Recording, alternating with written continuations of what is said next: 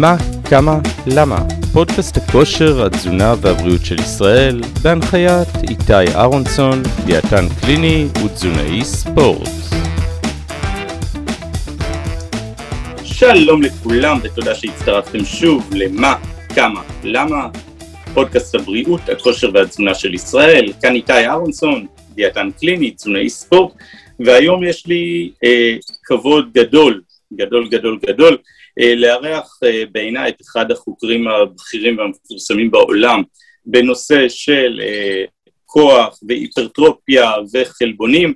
אני מארח את פרופסור קווין טיפטון. Hello Kevin, how are you? Hello, I'm fine, thanks. Thanks for having Thank me on. Thank you for coming on. I really appreciate it. Thank you. So, first of all, Kevin, tell us a bit about yourself. Where are you from? What are you doing? Well, um, I am now currently the Director of Science and Research for the Institute of Performance Nutrition. Uh, it's a, a company based here in, in the UK, um, and it's, we provide a sports nutrition diploma. Um, before that, I was I was a professor at various universities, um, three in the UK, uh, Durham most recently, and then Stirling before that, and Birmingham before that. And I did a, I started my work in protein and, and nutrition and metabolism at uh, in Texas, in Galveston, Texas, at the University of Texas Medical Branch, and I trained under Professor uh, Robert Wolfe, who is, um, you know, one of the most eminent uh, protein nutrition researchers or met- metabolism researchers ever, and he, he I was very lucky to um, to train with him. And so I was there for about uh, 12 years before I moved to Britain. And I've been here in Britain for 16, 16 years. Nice. So, and what is your main um, research about? Um, protein metabolism and protein nutrition. Um, I have done research in various populations, uh, mostly in young, healthy individuals, but also some in older uh, individuals, uh, and also sports nutrition in general. Uh, I've done dabbled in various aspects of, of that. So I'd say that's a pretty broad de- description. Yeah. okay, so first of all, let, let's talk. I, I know that uh, one of your topics that uh, you are talking about is weight loss and uh, body recomposition. So first of all, can you tell us the differences about it? Everybody talking. Every, everybody talks about weight loss. What is the difference? Well, uh, yeah, I've al- I've long argued that most people shouldn't worry about weight loss. That that shouldn't be the main focus. Um, that instead, as you suggested, that maybe a focus on body composition is is more important. Now that's not true for everybody, but uh, most people, from just people exercising for health to people wanting to lose weight for health or for aesthetic reasons, they probably really are wanting to lose body fat and not necessarily weight loss because most people if they if they just start losing weight especially if they're in a, a low energy situation that they're going to lose both muscle and fat. Now the proportion of how much muscle and how much fat you lose depends on several different factors. But most people that's what's going to happen. So if they get on the scale they they you know won't know whether they're losing fat or muscle. And there are various reasons why it would be important not to lose muscle. For an athlete for example you might may at some point start impairing function uh, you know an ability to train or to compete if you're a, a per- person just looking for health well of course muscle is a very important metabolic organ metabolic tissue that you're you get uh, uh, the bulk of the glucose uh, disposal is is from muscle for example. So especially someone who does have compromised metabolic health certainly doesn't want to lose muscle. So there are all sorts of reasons and i think that that's the key and there are ways that you can reduce or even eliminate losing muscle in a low energy low dietary energy intake and one nutrition is part of that Okay, so and, and, and for the population, how, how do you think they can measure the if they are losing fat or muscle? Well, that that is a tricky thing. Um, uh, of course, that's one of the reasons people like the scale. So if you, you know if you just gonna if you just jump on the scale and look at your body weight, uh, what happens to some people, of course, is that they they don't feel like they're losing weight fast enough, especially if they're exercising, and that's might be because they're preserving some of that muscle, and and even though they're losing fat, they don't lose as much weight as they'd like. But if you want to measure body composition, of course, the gold standard, more or less, nowadays is is what's called a DEXA, dual energy X-ray absorptiometry. But that's not going to be available to, you know, the average person or, or in the gym or whatever. It's a specialized instrument. It's mostly going to be at hospitals now. Universities, a lot of universities have them. We had one at all the universities I worked at, and and it can be done with research, but it's not going to be available for the everyday person usually. Um, now you could there are places you can go to to pay to have your DEXA scan done and the body composition determined that way. A more a more available thing would be bioelectrical impedance, which now you can actually buy in the stores and shops and things. And um, the you know the reliability of those numbers aren't great, but it's you know you could argue it's better than nothing if if you follow some pretty pretty uh, rigid instructions on how to how to do it. Just for example, if you drink a big glass of water, you'll change your measurements with a bioelectrical impedance of BIA. So, um, got to be careful about those things. DEXA too, though. And, and, and what do you think, uh, by the way, about the BIA, uh, the multi frequencies, the big machines uh, like the Seca InBody? Well, I don't know enough about them really to, to make any judgments on them other than I would I would say that pretty much anything you're doing, if you really the best body composition information, you want to do it serially. You don't want to rely on a one-off measurement, and you want to make sure that the conditions are the same that you're that you make the measurements under.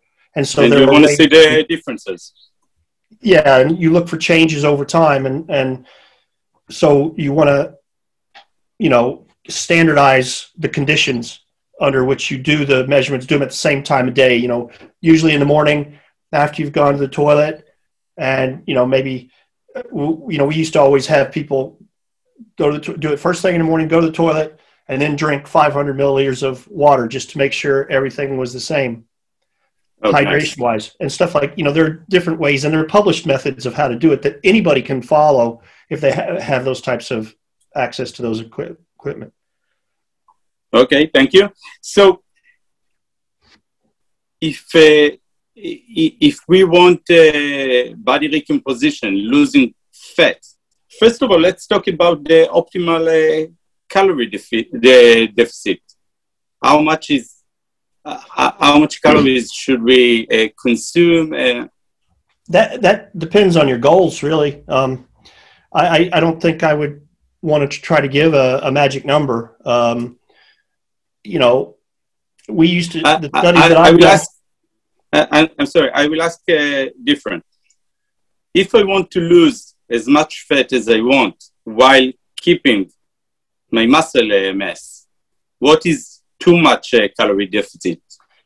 Well, again, I'm, you know, I think it's going to vary depending on the person, but in general, there are some some studies, and and a couple of good studies were done by um, Ina Garthe at the Norwegian Olympic um, uh, Center, and she showed in her this was her PhD work, and she showed that uh, more rapid weight loss. So the more the deficit is, the more muscle you'll lose relate relative to the fat. So if you do want to maintain muscle and and lose more fat, you probably want to make sure that the deficit isn't um, too big. In the, we've done a couple of studies, and what we find is when we put people on about a 40% energy deficit, so let's say their normal intake is, you know, 2,000 calories, then we put them on, you know, about 1,200. And they, you know, about half of what they lose is muscle and about half is fat. And these are in healthy, relatively lean individuals. So that's also a, a factor is what you start with is going to determine what the relationship of muscle to fat that you lose. Um, the other thing you want to do for sure is do some sort of resistance exercise to maintain the muscle. That's an important factor. So if, if it's if you're someone at the gym or someone or done exercise, if you if you want to lose mostly fat and less muscle, then you want to lift weights, or or at least do some sort of resistance exercise. Uh, you know, and that depending on how you define that, but you're you know you want to maintain muscle that way. So those are ways to do it with not dietary, but the, in general, the the less the deficit is, the less muscle you'll lose. All right. According to, according to those studies. Yeah, thank you. Thank you. Now, in, in your study, the 40% uh, of the calories that you reduced, um, you said that um, uh, you showed about 50% muscle uh, loss. Were they training during the research? They were. Did, oh, yeah, they lift weights. They uh, had uh, resistance they, they were specifically people who lifted weights, and we did. We've done two studies now in, in men and one in women that, that I've been involved in. Um, and they were all training, and you know they weren't um, elite level athletes by any means, but they were. They all were training a certain minimum amount per week to be defined. So, yes, they were they were lifting weights. Now, that I'm the numbers I gave you were based on the what we call the control, which meant that their their uh, diet composition was was around sort of 16% or so 15 16% protein in in those in those diets um, and, and yet they lose uh, 50%. It's uh, crazy. About 50%. The women, the women less percentage wise because they started with more, you know, the, their percentage, more, body percentage was yeah. started higher. Uh, you know, these were not by any means uh, overweight women. They were uh, training. They were different, uh, you know, different sports, but, um, but yeah, so they, you know, but women tend to have more body fat than men if they're, yeah, yeah. So, so and, and what is the role of protein?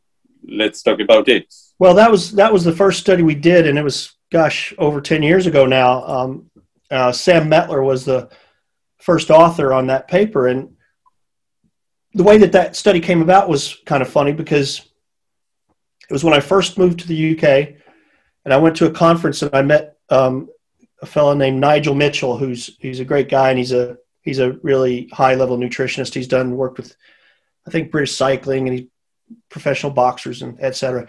And he came up to me and he was very excited because he said that he was had his boxers they were losing weight but gaining muscle. And I always tell my students this story because it's a perfect example of what I like to say because it's a it's an example of being skeptical but open-minded is what I always like to try to be. So I was very skeptical about this because at the time, the consensus, most people didn't believe that that could happen. Most people believe that if you're going to lose weight, you're going to lose muscle. And especially when you're losing weight quickly, which is what a lot of these boxers were doing to make weight. So, uh, like I, I like to tell my students to be skeptical but open-minded. So, and this this was an example of that because I was very skeptical that that he would have these boxers, um, you know, losing weight but gaining muscle.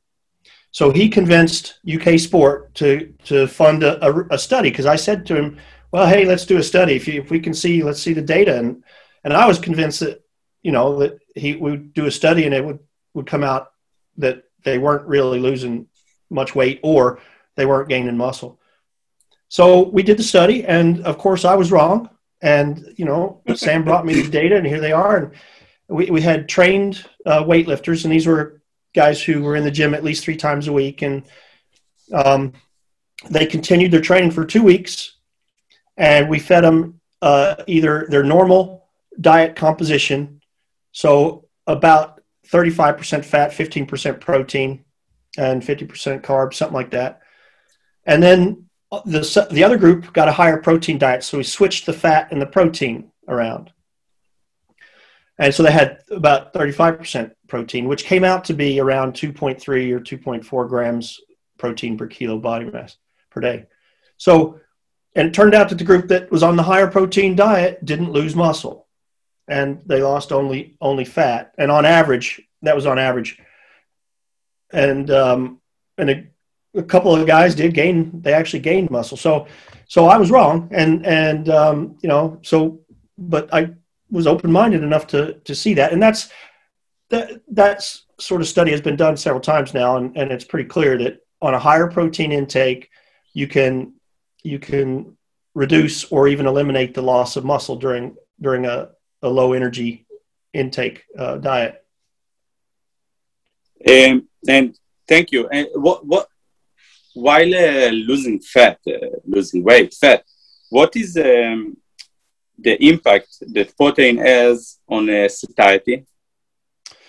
Well, that's a good question. In general, people tend to think that um, you know protein is going to have a higher satiety factor than than carbohydrate or fat. So, um, you know, you could argue that that's a, an advantage. Now, we didn't really see that to a great degree because we were controlling how much energy they had. So they were hungry, right? I mean, we were feeding them 60% of their normal calorie intake.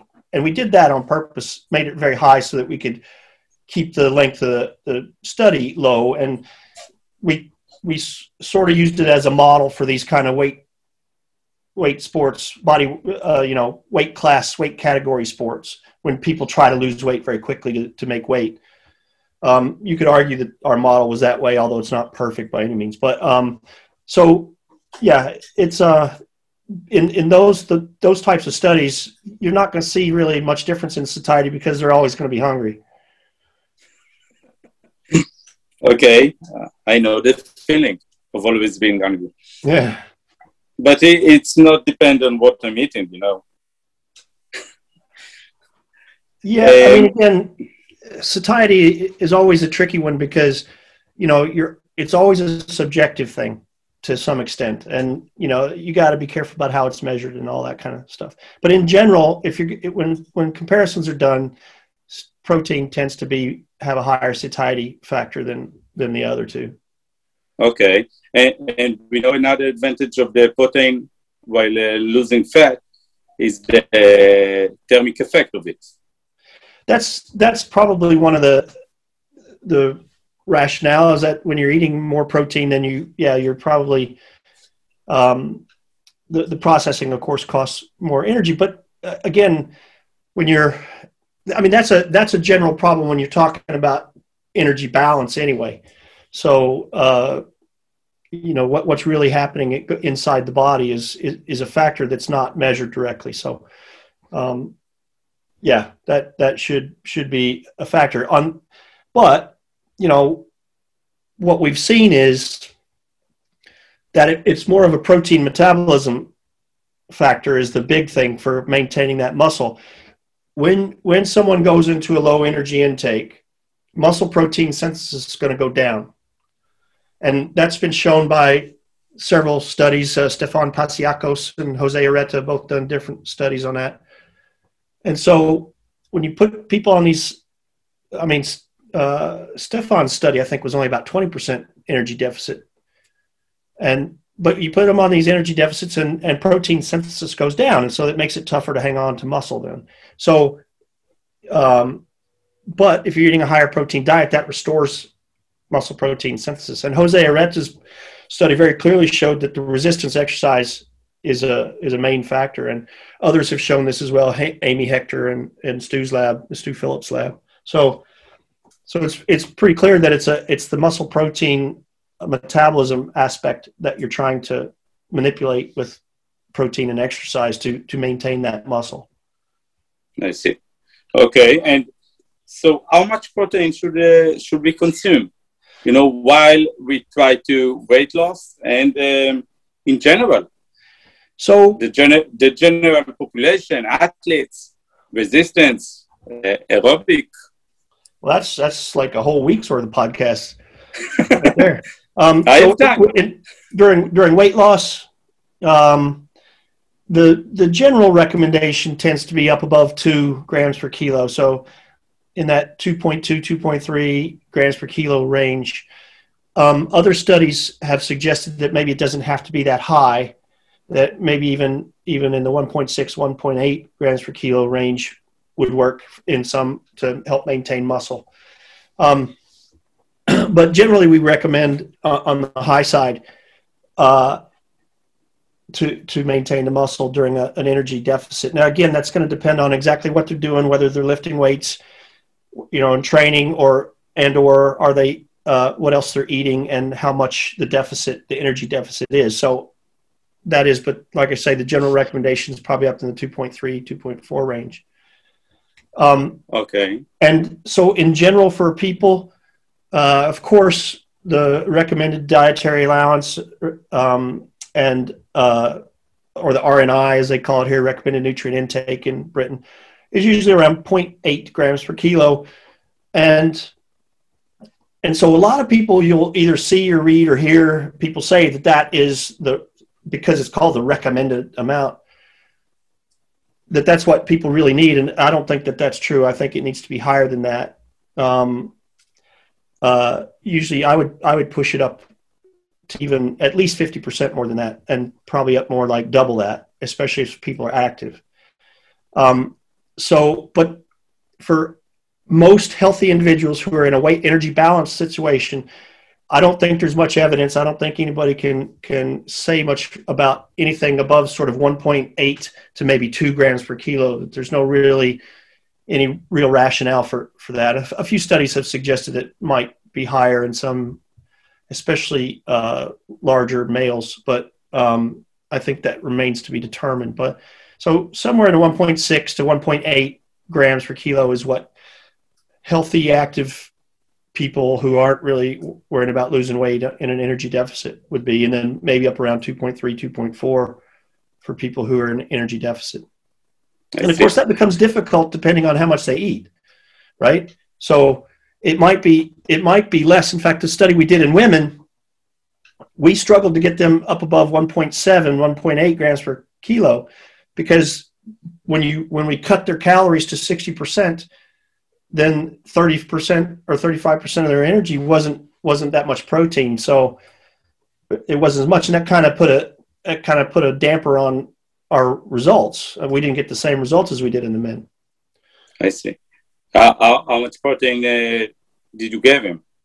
Well they were eating so we we tried to mimic the sam mettler study exactly. So we cut their energy to 15% their protein to 15% of their energy so when we cut the energy down to 60% of their usual, then that became only about 1.7 or 1.8 grams of protein per kilogram.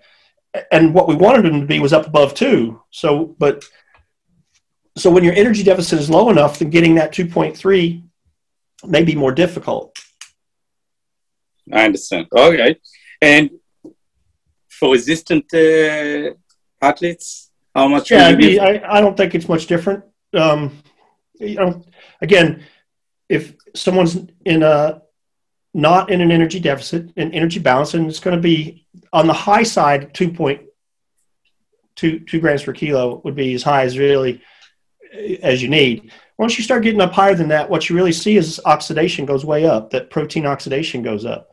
Now, I do know a lot of guys who eat that much uh, or more, you know, and they and they think they need it, and one of the reasons they think they need it is is because of the metabolic mechanism that happens here.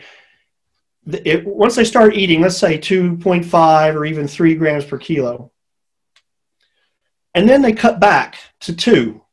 Now, I'm just making these numbers up. So just for example. Yeah. So so then they start losing muscle and they go, "Oh, I'm losing muscle cuz I'm I need to get my protein up." But what's happening is when you when you drop your protein like that quickly, then protein oxidation goes up. You go into negative uh, nitrogen balance and lose muscle. But then after, you know, a week or usually more like two weeks on that same lower protein intake, then you're going to steady off again. So it's not, it's just a, it looks like it's bad initially. And I know lots of guys who've told me that that's happened. And so they're afraid to drop the protein. And, and that's just because they're eating so much that they're, the metabolic mechanisms to, to ramp up oxidation are very high and so so you know they're they're too high for the amount of protein once they drop it and then it, but then they come back down again i understand and, well, and there there's these there are studies showing this back in the even in the early 90s were show were showing this kind of thing. Nice, interesting. And what about endurance athletes? Yeah, same. Um, the studies, some some nice studies have been done with a method called the indicator amino acid oxidation method. Um, because nitrogen balance was traditionally, and and that's how the official RDA is determined is by nitrogen balance. But there's some some problems with nitrogen balance measurements that we don't need to get into right now. It's we'd be here all day, but um, and and certainly they're not conducive to sort of smaller studies. They're really hard to do. But but uh, uh, Dan Moore, who's now at Toronto at University of Toronto in in Canada, and he did his PhD with Stu um, Phillips, and and he's been he's done a series of studies now over the past sort of three or four years using this method, and um, as showing that in different he's done in different circumstances, different situations with both men and women, trying to determine how much protein people need using this method. So, um, and this is with it with endurance athletes, it's probably in the 1.7, 1.8 grams per kilo range. Now, you you know you always have these 95% confidence intervals, so you get this range, and that's where. And if you want to go to the high side, then the high side of that range is two or 2.2, somewhere in there. Do I have a downside if I'm eating, uh, let's say, about two, 2.2? Um, the only, uh, I mean, probably not from a health perspective. I mean, I don't, I don't think there's any evidence that an otherwise healthy person that that level of protein is going to be harmful. Um, you know, of course, people talk about kidneys, and you know, it's possible that some people might have an underlying kidney condition that they don't really know about. That on a higher level of protein, that that could be an issue. Um, but in otherwise healthy people, there's no evidence that there's any kidney problems, and, and the bone issues are exaggerated. But you'll hear that a lot. You hear those arguments a lot. Yeah. Uh, but there have been a couple of you know systematic reviews or meta-analyses done recently. Stu phillips did one not too long ago and showing that the kidney issue is not really something to worry about. And um, uh, so really the only issue is is related to what i was saying before in that if you if if you have an energy budget that you want to try to hit and let you know whatever your energy balance is and you want to support your training, I'm just going to, because I think everybody should be exercising and training, then I'm going to say you need that.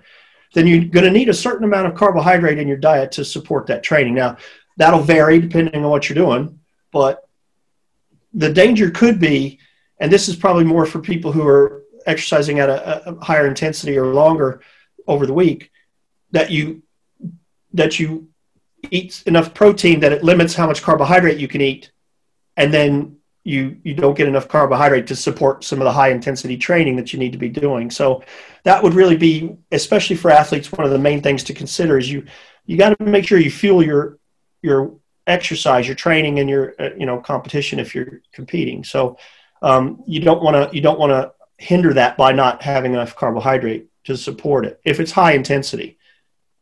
You know, you can you'll hear the keto zealots argue that you don't need carbohydrate, but um, I think it's pretty clear from work that Trent Stellingwerff and Louise Burke and others have done that you, you can't maintain high intensity training if you're not if you're not eating enough carbohydrate.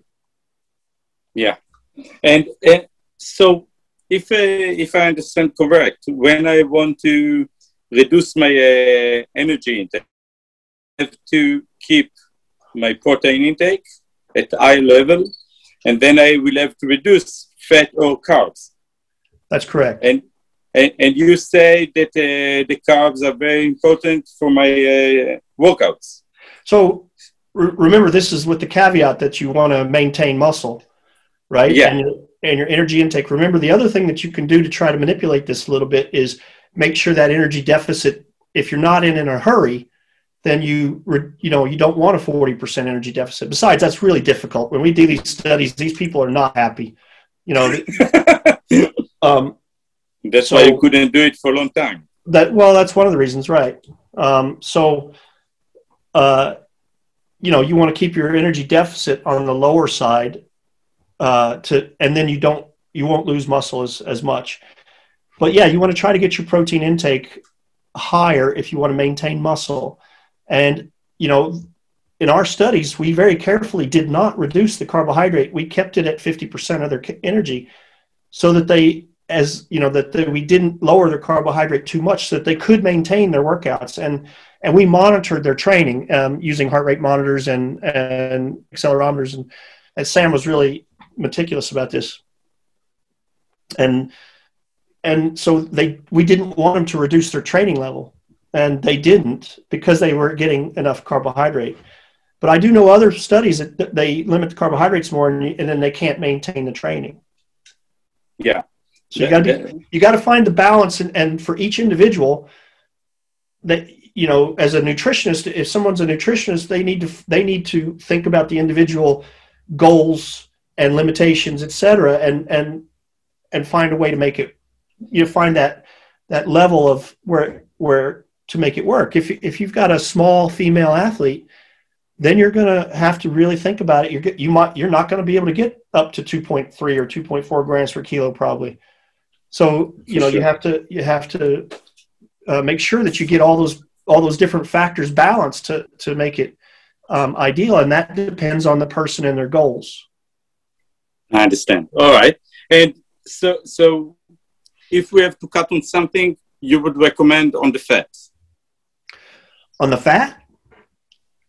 on the, fat, on the fat, say, from, the, from the macronutrients if we have to cut uh, the percentage. Yeah i would say you want to cut the fat to as low as you, you think you can get away with.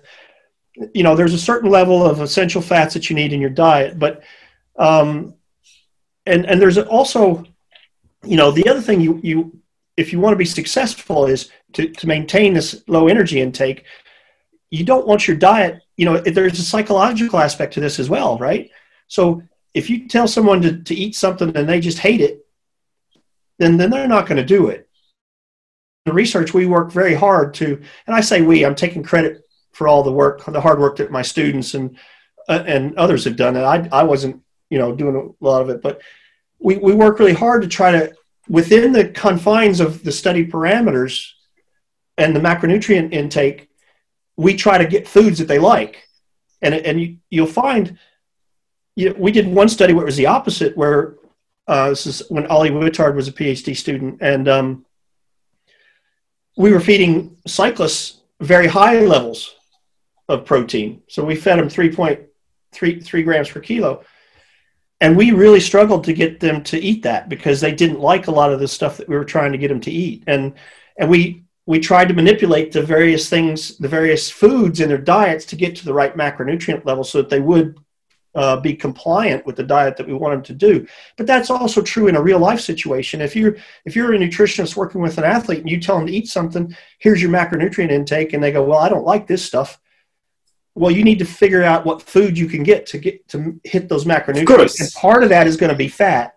If you cut the fat too much, you're going to get people to really struggle or not everybody, but a lot of people won't like what you're trying to feed them. So you you got to find a way to balance all those various factors to get your and and that's what the best nutritionists do. I'm I'm not making this up. This is what very smart people tell me. So um, you know, like people I know who like James Morton and Graham Close and Louise Burke who work with you know elite athletes, and that's that's what they work very hard to do. I'm always saying that uh, I'm working with people, not with computers or machines.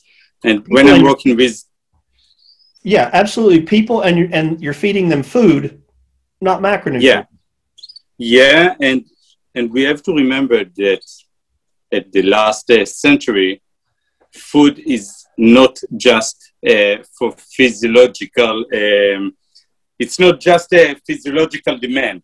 It's a habit. It's fun, and it has culture. So people like it. They don't eat, eat uh, food just because they need. They eat it because they love it, and we have to take care of everything when we're working with people. That's right. I, I, you know, I've I've heard as we were talking offline. Uh, you know, I'm a big rugby. Uh, I played rugby for a long time, and I'm a, a, huge rugby fan. And I heard a a professional rugby player talking about in the, in the old days, um, one of the clubs would their their routine was on the Friday, so the, the match was on the Saturday. On the Friday, they did a light what they call a captain's run, and you know they they go through some light uh, you know drills and some work on some tactics, and then they go all for a team meal. And the team meal was what here in Britain we call a Sunday roast. So basically, that's a roast of some sort of meat, beef, or or turkey, or or chicken, or pork, lamb, with gravy, with potatoes and roast vegetables, and it's this big, huge meal that is traditionally eaten on a Sunday. But they would feed the players this, and I and and these guys were talking about how you know they they thought, oh gosh, nutrition isn't great, da da da da. But it was because it was a comfort food, and it was because psychologically it was really important. And you know they said if if the club tried to change that tradition, all the players would get all, oh, what are they doing to my my Friday meal? You know, and and this these players were convinced that that that they if they didn't have their proper meal that they wouldn't win uh, on the weekend. You know, so you're that's what you were saying is like it's not it's it's more than just the physiology, and there are times when you want to. I mean, that sometimes meals like that have their have their place and it depends again on your goals and where it fits into the schedule and and every and your competition and all that uh, I, I agree with you and uh, again i think that uh, every people everyone should um, the nutritionist should um, tell their own suit what fits you so uh, Nowadays, many people like animals and they don't like to eat them. Let's talk a bit about the differences between um, animal plant uh, animal based uh, diet versus plant based diets. Uh, as we talk about uh, protein mostly. Right. Well, the so from a protein standpoint, the general consensus is that that an, and is changing that an animal based protein diet is better from a muscle from building muscle or maintaining muscle now it's very clear that that's not true in all circumstances. It's very clear that you can do just fine on a even a vegan uh, uh with absolutely no animal protein in your diet that you can do fine. Now it is more of a challenge because you've got to find ways to get the get the protein intake to the level that you need. So, just for example, there was a recent study done, um, and Bob Wolfe was involved, and Arny Ferrando, two, two people that I worked with in Texas, and they're now in Arkansas. And what they did was they measured uh, whole body, this was whole body protein metabolism. And what they saw was with an ounce equivalent of a food. So if you if you fed someone, what they were doing was taking food and feeding the same um, weight. So so the the mass that they ate was the same.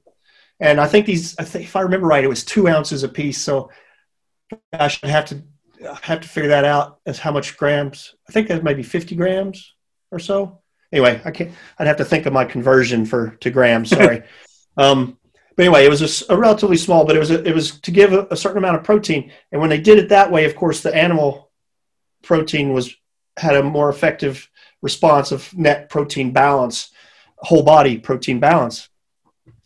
And so that, that sort of illustrates the challenge that you have to do when you're if you're eating plant proteins. We know that if you eat enough plant protein, you can you can be fine. And in fact, if you're eating in the 1.8 to 2 grams per kilo, something like that, 1.7, you should be fine on a on an all plant based diet. That's pretty clear. Um, and it's just that you got to think about it more and think about what your protein sources are. And, and Luke Luke Van Loon's done several studies with this, showing that you just need to give a little bit more of a plant protein to get the same response in a whole body or protein or muscle uh, protein metabolism. So, yeah, there's no if someone chooses because, as you say, they don't want to eat animals or something, that that's fine. They'll be, but you just got to think about it more, and that's that's it's more complicated. Yeah, it's a little bit. I mean, it's it's you know thousands if not millions of athletes do it and they're fine and you know so it and they can get big it's you know it's it's okay it's just you gotta you gotta keep in mind a little bit more just like you do with other other sort of nutrients you know b12 for example if you're on a vegan diet of course b12 iron what, what do you think about the, the game changers I guess you you've seen it. And, I did not. Uh, I didn't even bother watching it. No. I, um, yeah, it, it, I think uh, you know, I think it was a, an overhyped, uh, rough, mostly one-sided thing based on what I've heard about it and read about it. Again, I didn't see it, so I probably should be careful about saying that. But people I, I respect and I wrote about it. So Asker Jeukendrup wrote a, a, a nice piece about it and, and analyzed it. Lane uh, Norton wrote a nice piece about it. So these are guys that I know are objective and and and they very, you know, they looked at it very carefully and analytically, and it just didn't seem to hold up. So I didn't. Even, once I read those, I didn't even bother watching it. I see. Um, you didn't really miss anything. Yeah, um, that's that's more or less. I'm glad that's what I thought. But no, it, it, it was made uh, very nice, but it is uh, cherry picking yeah. of uh, of researchers. So I, I would not count on it as um, as a good reference for anything. No. Yeah. So um, I'm sorry. Uh, so so you're saying that if I want to be based on plant-based diet, I should consume a bit more. Well, again, it depends on how you define more, more than what. Because if again, if you're, I, I think that if you're up in that, and and you know, again, um, other smart people have told me these kind of things, but up in the 1.6, 1.8, up in the, if you want to be safe, go up to two grams per kilo. And there's just, I don't think there's any evidence that that's going to not be fine if you're on a plant based diet. So, roughly the same numbers that I was saying before, and and you'll be fine. You should be okay. Now, All right. if you're down in the one to 1.2 range, then maybe plant based diet might not be good enough. I I mean, I think I think that still needs to be d- demonstrated definitively. But I, I, you know, to be safe, I'd say you want to just go 1.8 or two, and you should I be see. fine. All right. What about the timing? Um. So, I mean, in in general, there's probably there's good argument to try to eat protein anyway, and and a meal of some sort carbohydrates in it as well fairly soon after after a training session. Um, now, it's not absolutely essential from a metabolic standpoint. You know, when Stu and I, Stu Phillips and I were both in Texas back in the late '90s, we did a couple studies, and one of the studies that we did, we showed very clearly that the resistance exercise, the response to resistance exercise of muscle, of muscle protein, lasts for about 48 hours at least and a, a, subsequent study, I think it went up to 72 even. Um, so then, so then when all these studies started coming out, or, or people started arguing that you had this metabolic window of opportunity that you've only got 45 minutes or whatever, or maybe up to an hour or two hours, some people. I just, I didn't think that made any sense.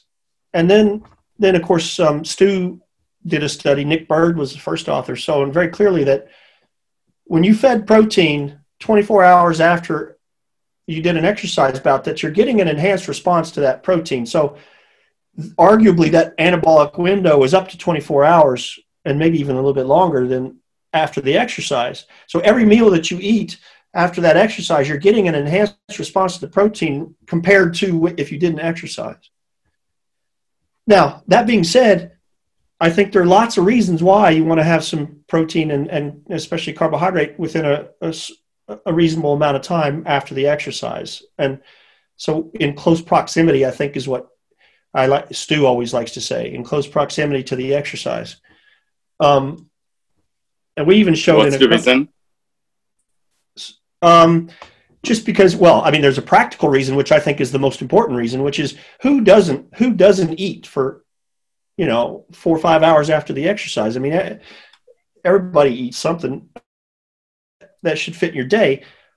Also, from a practical perspective, from an athlete standpoint, you know, you want to have a, a type of a, a routine to get into. So you want to get in the routine of eating. And now there will be athletes, for example, say a athlete that's at university, for example, and they might have to go to a lecture or something after a training session. So then that's when maybe a, a supplement might be important. Doesn't have to be a supplement, but it could be.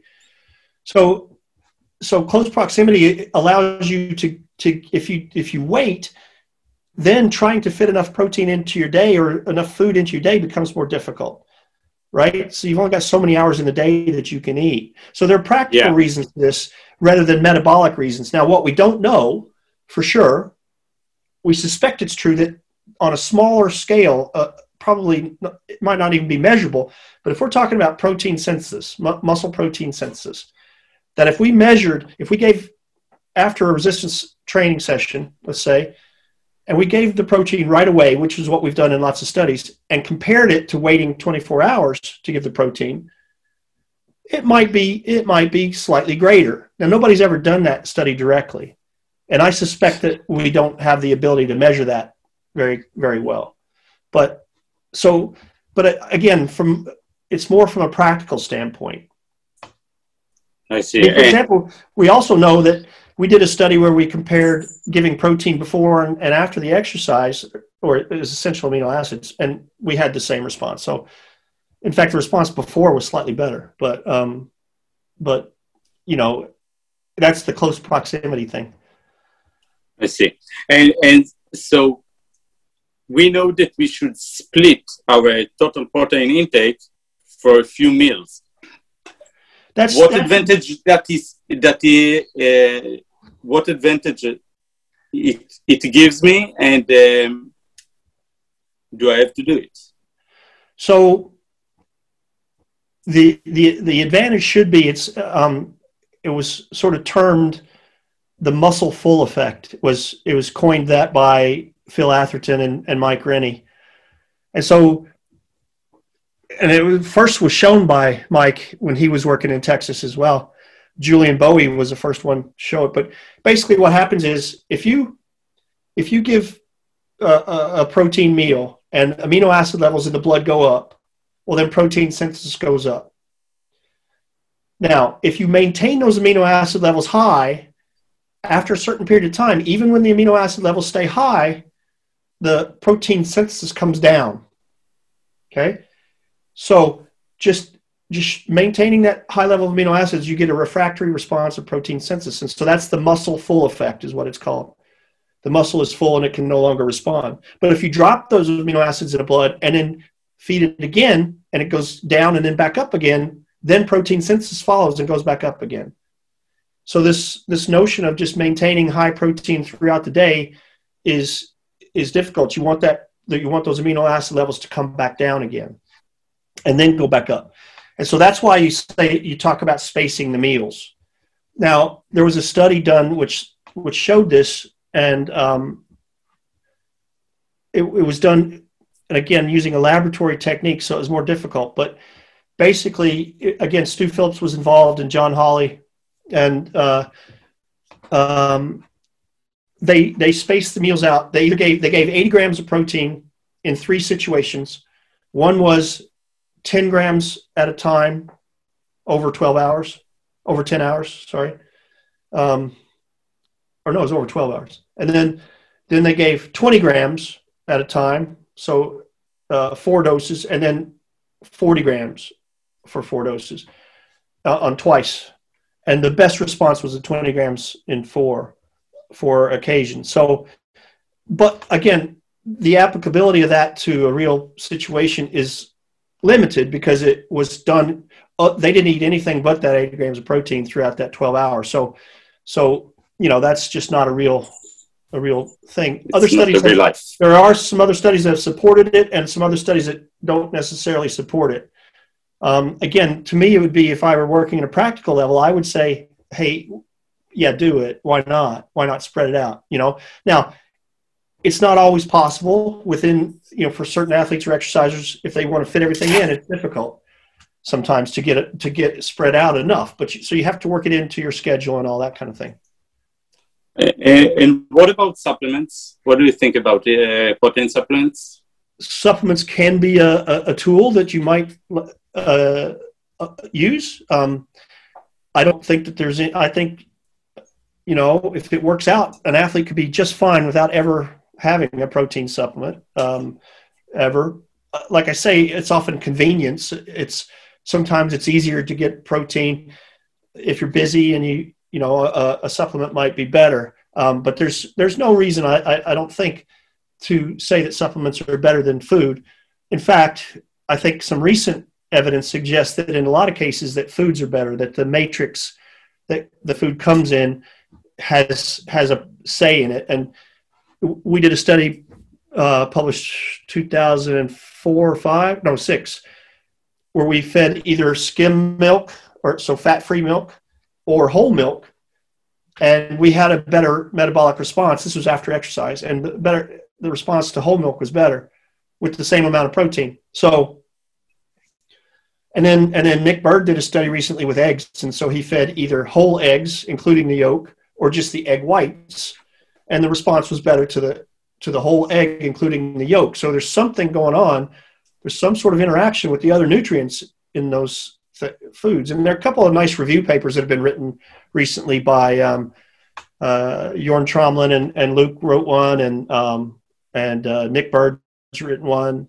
Uh, I think Stephan Van Vliet wrote one. So there's some good reviews on meals and how meals are are are important like I say, a supplement I think is probably a, a, tool that can be used when it can be advantageous, but there's nothing magic about the supplements.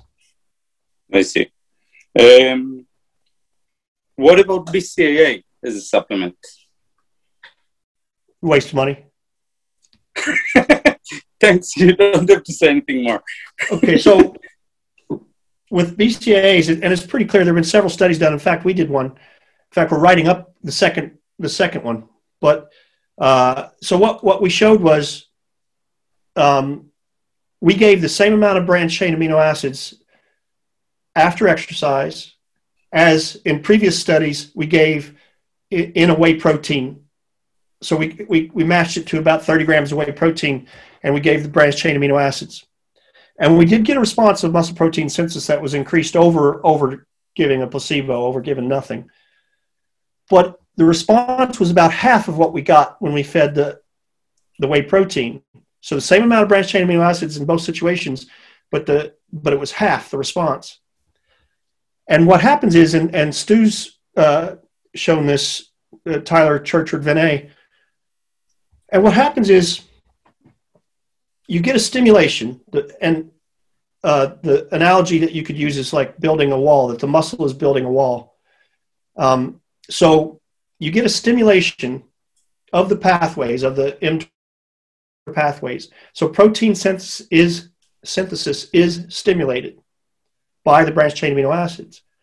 But then after a at a certain point, you run out of the other essential amino acids that you need to build protein. So you're relying on endogenous or, or essential amino acids that are already there in the body, and you you run out. Whereas if you've got a whey protein or some other protein that provides the other essential amino acids, then that allows the substrate to last longer and you get a more robust response and a longer lasting response of, um, of protein synthesis. And that was directly demonstrated, I think it was at rest, not after exercise, by um, Cas Fuchs, who worked in Luke's lab just recently, this within the last year.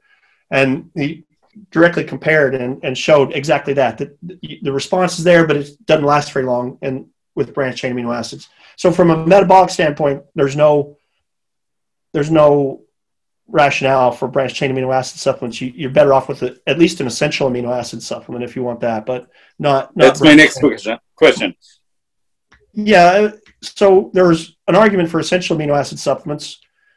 Um, if you want to, that you know, we we showed this back when I was in Texas. We were the first ones really to show that you can get a, a, robust response with essential amino acids alone. You don't need the non essentials because you just make more non essentials. Now, there is a, a potential argument that at some point the non essentials might become limiting because you don't have enough essentials to make new non essentials, but that's not really ever been shown. Um, so, an essential amino acid supplement, you could argue for that. Um, and the rationale would be if you say you want to keep your energy intake down or, or or I mean, we used to talk about this in uh, in military terms because um, you know, I have to carry a certain amount with them. And so one suggestion was to take essential amino acids rather than protein because they can they can take half the weight, especially when they're carrying heavy packs and they, they need to keep the, the weight down. So more bang for your buck, if you will. So you could argue for that with essential amino acid supplements, but boy, you know, I, know they've gotten better over the years, but they usually don't taste very good. And so, you know, again, eat food. Eat food. I would, but but just people, food. There are there are situations, and there is a rationale that some of these things could become part of, as as Laurent, uh, my colleague, likes to say, it's another tool in your toolbox. But, yeah. but mostly, if you can eat, if you can, there's no. I mean, they're not better per se than essential amino acids in food. I see. All right, and what about casein before uh, pre-sleep?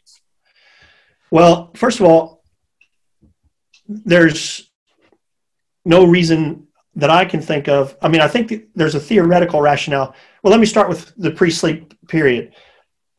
This, the, when the, when the studies are done pre-sleep, at least with protein synthesis, they're usually done without a matching protein control at a different time of day, right? So, so it's not clear that it's the protein before sleep that's doing it could be just that there's more protein during the day that's giving you this better response and that hasn't been clearly shown and there have been a couple studies which have shown that pre-sleep is not better than before when you're talking about muscle gains so it's not clear that pre-sleep is important per se now on the other hand from a practical standpoint you can clearly see that pre-sleep does work and that it's a way to get more protein in.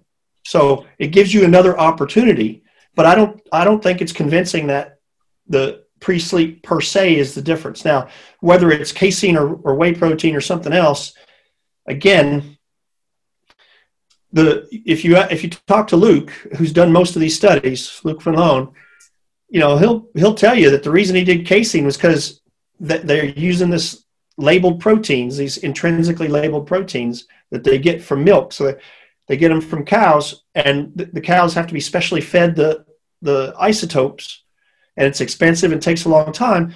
And you, when you have milk, you don't have nearly as much whey as you do casein. So they use casein in these studies. Now, people have interpreted this to mean because casein is this longer lasting protein, and so at night it's it's better. I don't understand that argument because why wouldn't it be better all the time then? But a direct comparison to say whey protein hasn't been done, um, at least in terms of so at, for pre-sleep. So I don't think there's any rationale for for casein, especially.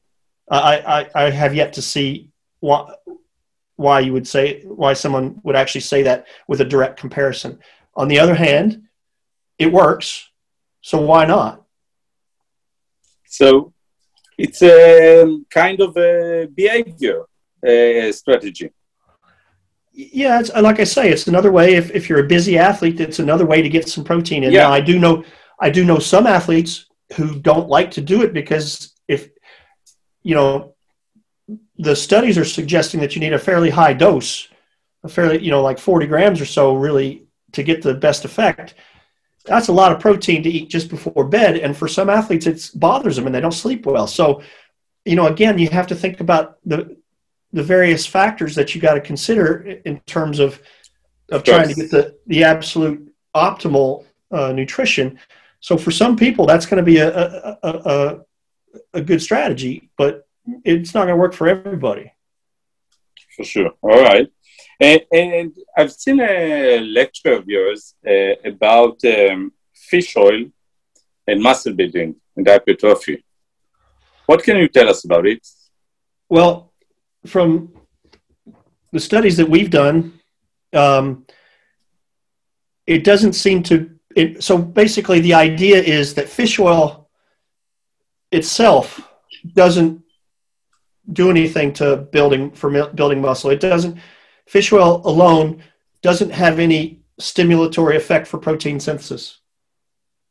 What the idea is that you have a limit, as I said, excuse me, you get too much protein and the muscle doesn't respond further. And, you know, we showed this and Stu's shown this, that it's, you know, sort of in the, if you want to go in grams per kilo range, it's somewhere in the 1.6, 1.8 grams, or sorry, um, 0.4 on a per meal basis is about as high as you can give before you no longer get a response of muscle protein synthesis or any further response.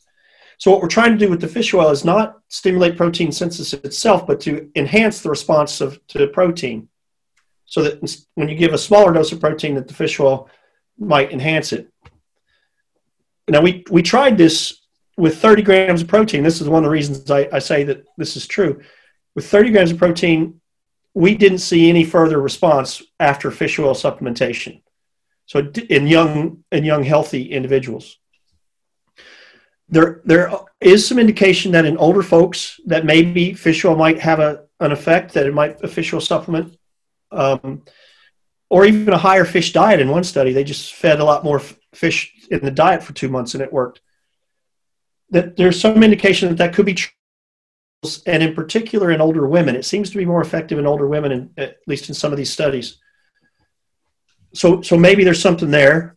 Um, there was a recent study done by Chris McGlory, and he also did the study that I was involved in uh, with young males uh, with weightlifting. But he did another study recently, just published last year, I think, uh, with Uh, women, and he immobilized the one leg. He used a one leg immobilization. So he fed them fish or omega 3 fatty acids for four weeks before the immobilization, immobilized the leg for two weeks, and and that in that model you see a pretty rapid decrease in in muscle mass. And what he saw was that muscle protein synthesis usually goes down with immobilization, and he saw that it, the decrease in protein synthesis was less when after the fish oil supplements, and that the muscle loss was less with the fish oil or the omega three fatty acids versus the control versus the placebo. And and so he also then had them recover and they so so the because they lost less muscle they recovered back to normal more quickly. Sure. So the, the idea is that that's a model that you could argue is is relative to say an athlete that gets injured. The problem with that interpretation is that you need to get the, the fish oil the omega-3 fatty acids work by getting into the membrane of the muscle and they change the membrane dynamics of the muscle. They don't work by an anti-inflammatory and overall systemic anti-inflammatory, which is what a lot of people thought. But that doesn't seem to be the case. It seems to be necessary to get those fish that omega-3 fatty acids into the muscle. And it takes a little while for that to happen. It takes at least two weeks in the study we did back, you know, 10 years ago or so, and more like four weeks, really. And so that's what he did. So that's not really a direct directly applicable model for an injured athlete because you don't know when you're going to get injured if you're going to have to go into a cast. So why not taking it uh, usually chronically? Well, some people do. There, a lot of athletes do. Um, again, does does that help? It it might. Yeah, it might. Maybe maybe those athletes lose less muscle. I mean, that's a difficult one to say because it's anecdotal. But um, no or, downside. Uh, well, we don't know the dose, for example. I mean, Chris was given around, was it, I think it was four or five grams per day. I know in our study we did five grams of fish oil. It's above the upper limit. Yeah, so, so we don't know. I mean, you don't know. And I, I know there's one study in that has to do with brain, with the brain, and it was very clear that a lower dose of they were given DHA in this study, not not EPA, just DHA supplements. But when they gave the higher doses, it didn't work. It only worked at a lower dose. So that suggests that there, from a point, that there is an upper limit to, to these things. And so you're playing with fire if you just say, I'm going to give a, a lot over a long time. When you say it doesn't hurt, you say, well, probably doesn't hurt, but we don't know. So you got to be careful about how much you're given, and, and you don't know this uh, from the from the research. We don't know what the doses, the ideal dose should be to be protective if you get injured.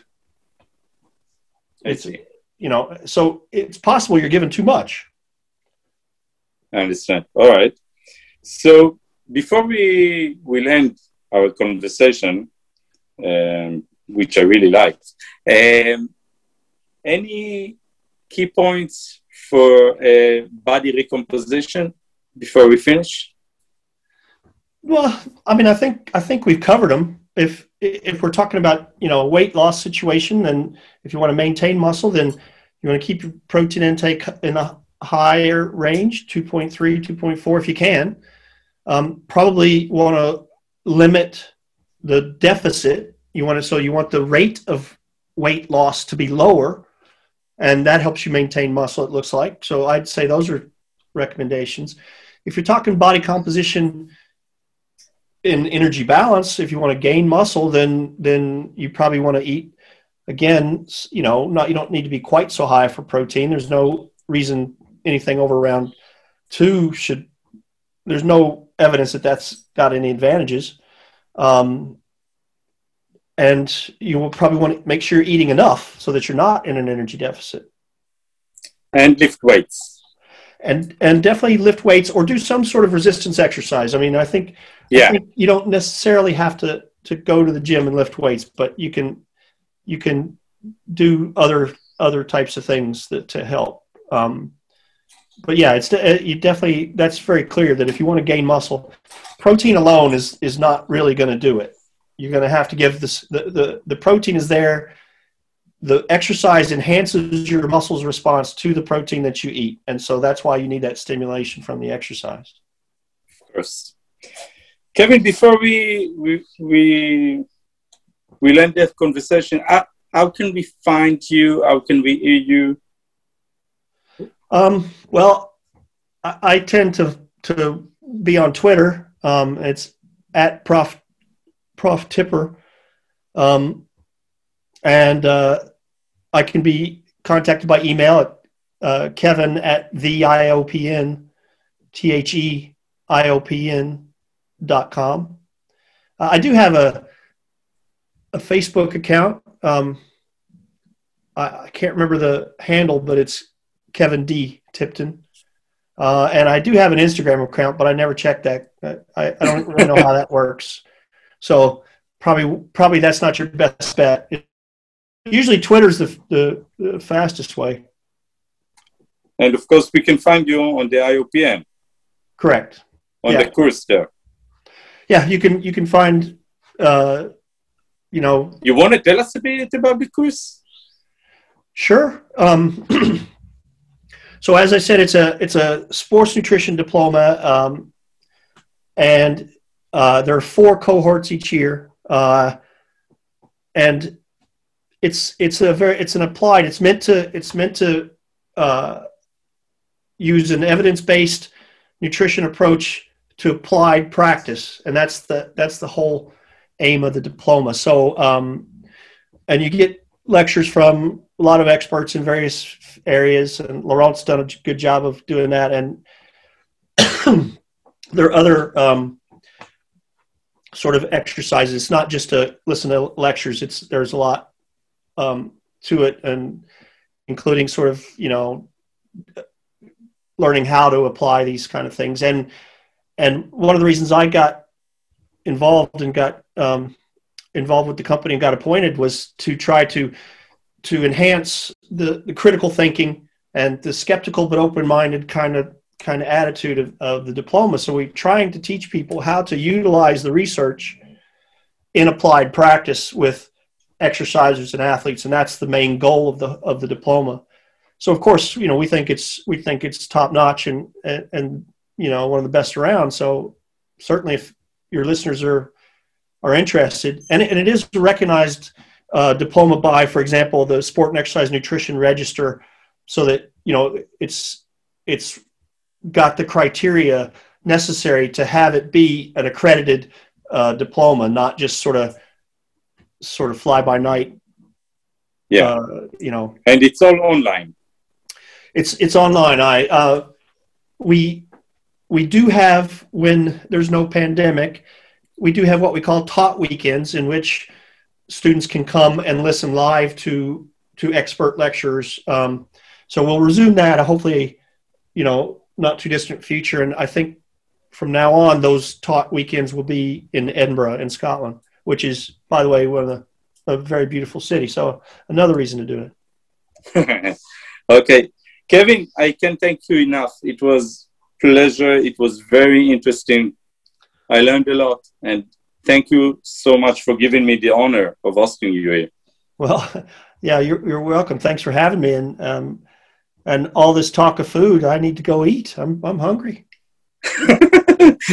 bon appetit. thank you. Thank you, thank you very much. ולכל מי ששמע אותנו, תודה שהייתם איתנו. אני בטוח ומשוכנע שנהניתם ולמדתם, כי כמובן שאני אשמח לכל הערה, לכל הערה, לכל פידבק, לכל שיתוף שלכם. אז שיהיה לכם רק טוב ותהיו טובים. ביי ויום טוב.